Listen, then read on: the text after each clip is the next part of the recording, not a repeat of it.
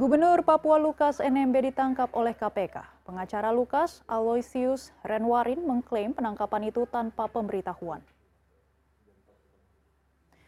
Perihal penangkapan itu sebelumnya dibenarkan oleh Kapolda Papua Irjen Matius D. Fakiri yang sudah dihubungi pada selasa hari ini.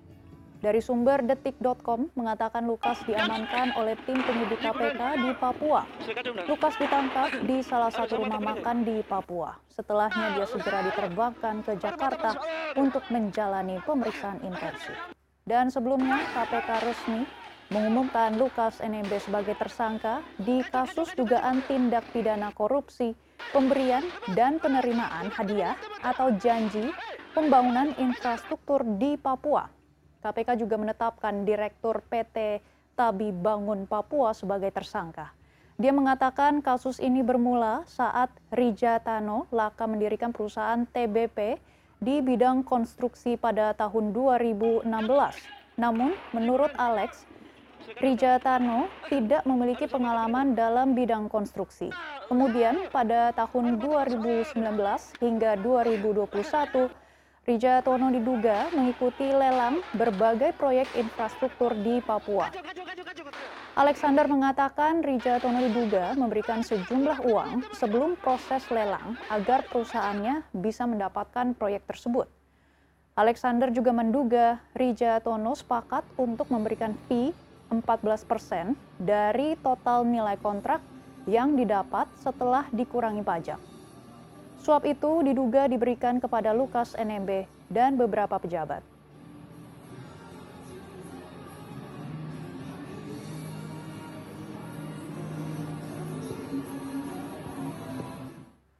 Dan untuk mengetahui informasi terbaru tentang penangkapan Lukas NMB, kita sudah terhubung dengan jurnalis Transmedia Andre Kirwel.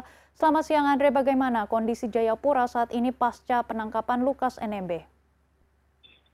Baik, terima kasih Megi. Uh, perlu diinformasikan bahwa uh, sekitar pukul 11 uh, eh, pagi tadi atau siang tadi, uh, Gubernur Lukas NMB yang sementara berada di salah satu rumah makan di kota Jayapura, uh, didatangi oleh pihak penyidik KPK yang langsung menahan uh, Gubernur Papua Lukas NMB atas kasus suap dan gratifikasi usai dilakukan penangkapan gubernur lukas nmb langsung dibawa ke makobrimob kota uh, kota raja jayapura dan langsung di dilakukan pemeriksaan yang kurang lebih hanya berlangsung selama 10 menit. Setelah itu Lukas langsung dibawa ke Bandara Sentani Jayapura untuk diterbangkan ke Jakarta via Manado. Perlu disampaikan juga pasca penangkapan dari Gubernur Papua tersebut, warga masyarakat sekitar pukul 13 lewat 20 menit waktu Indonesia Timur melakukan penyerangan atau mereka mendatangi Makobrimob untuk uh, menyerang uh, aparat keamanan uh, petugas yang berada di di Makobrimob. Tempat saya saat ini berada di Makobrimob tampak terlihat warga masyarakat yang yang tadi sempat tegang sekarang mereka sudah kembali dengan aktivitasnya namun aparat Brimob dan juga beberapa perwira Polda Papua dan juga dari Brimob sedang bersiaga. Hari ini juga terlihat dari personil Brimob yang sudah menutup uh, pintu masuk yang hanya ya, dilakukan dalam satu pintu masuk.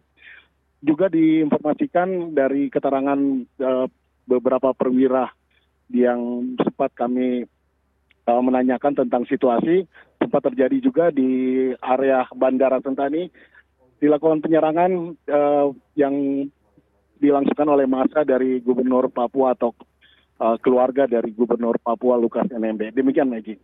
Baik Andre, tadi kami mendengar ada tindakan penyerangan. Apakah Anda bisa mengulas kembali dan juga menggambarkan kembali bagaimana sebenarnya terjadi penyerangan tersebut? Iya, baik. Terima kasih. Uh, saat masa mendatangi Makobrimob, sebenarnya Gubernur Lukas NMB telah berada di Bandara Sentani untuk dieksekusi atau dikirim ke Jakarta melalui Manado. Namun masa yang datang menggunakan alat-alat tajam dan juga beberapa uh, panah, mereka langsung menyerang para petugas hingga para petugas yang saat itu sebenarnya tidak terlalu banyak jumlahnya harus mengeluarkan tembakan untuk uh, membubarkan massa. Jalan raya di depan Makobrimob yang merupakan jalan utama sempat terhenti dan sempat uh, tidak ada aktivitas akibat massa yang begitu banyak dan ada beberapa massa tersebut juga langsung ditahan oleh aparat keamanan yang mana salah satunya masih berada di Mako Brimob lagi sementara ditahan dan lainnya sudah membubarkan diri.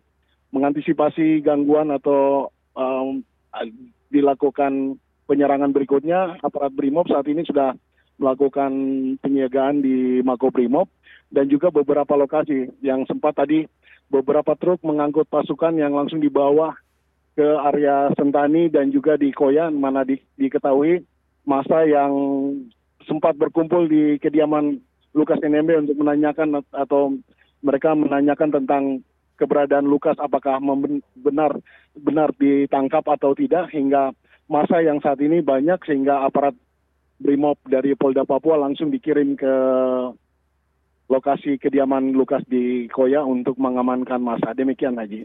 Baik, Andre, tadi Anda menyebutkan ada beberapa titik yang sudah diterjunkan aparat keamanan dan sebenarnya berapa titik yang terjadi kericuhan di sana dan apakah aparat keamanan masih berjaga-jaga di sana?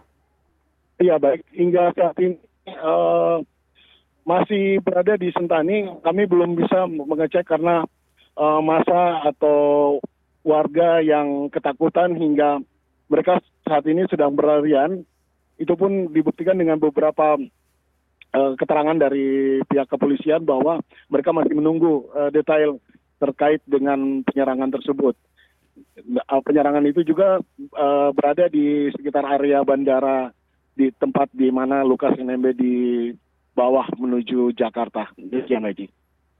Ya, apakah warga setempat masih mengalami trauma terkait dengan penangkapan ini, Andre? Ya, uh, kalau kita melihat dari depan uh, tempat saya melaporkan di Makobrimob saat ini, aktivitas masyarakat baik anak sekolah maupun juga warga masyarakat baik dari PNS maupun swasta, warung-warung saat ini masih uh, membuka atau mereka masih secara normal. Ini tidak terlalu berdampak terhadap penangkapan uh, maupun pasca uh, penyerangan yang berlangsung sekitar pukul 13 lewat 25 menit siang tadi. Demikian. Baik Andre, Lukas dikabarkan ditangkap saat sedang makan di salah satu restoran di Jayapura. Sudah adakah pernyataan dari pihak keluarga? Ya, uh, untuk pihak keluarga sehingga saat ini belum ada keterangan. Namun dari pihak pengacara direncanakan sore sebentar mereka akan melakukan keterangan pers terkait penangkapan ini. Demikian, Majid. Baik, terima kasih Andre, jurnalis Transmedia yang sudah bergabung bersama kami di News Report. Gubernur Papua Lukas NMB ditangkap KPK, pengacara Lukas Aloysius Renwaring mengeklaim penangkapan itu tanpa pemberitahuan. Perihal penangkapan itu sebelumnya dibenarkan oleh Kapolda Papua, Irjen Matius De Fakiri, yang dihubungi oleh pihak CNN Indonesia selasa hari ini. Dan Lukas diamankan tim penyidik KPK di Papua. Lukas ditangkap di salah satu rumah makan di Papua. Setelah itu dia segera diterbangkan ke Jakarta untuk menjalani pemeriksaan intensif. Dan sebelumnya KPK juga resmi mengumumkan Lukas NMB sebagai tersangka di kasus dugaan tindak pidana korupsi pemberian dan penerimaan hadiah atau janji pembangunan infrastruktur di Papua. KPK juga menetapkan Direktur PT Tabi Bangun Papua sebagai tersangka. Dia mengatakan kasus ini bermula saat Rija Tano laka mendirikan perusahaan TBP di bidang konstruksi pada tahun 2016. Namun, menurut Alex, Rija Tano tidak memiliki pengalaman dalam bidang konstruksi. Kemudian pada tahun 2019 hingga 2021, Rijatono diduga mengikuti lelang berbagai proyek infrastruktur di Papua.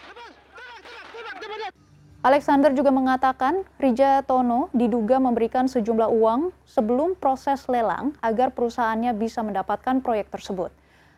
Alexander menduga Rija Tono sepakat untuk memberikan fee 14 persen dari total nilai kontrak yang didapat setelah dikurangi pajak. Suap itu diduga diberikan kepada Lukas NMB dan beberapa pejabat.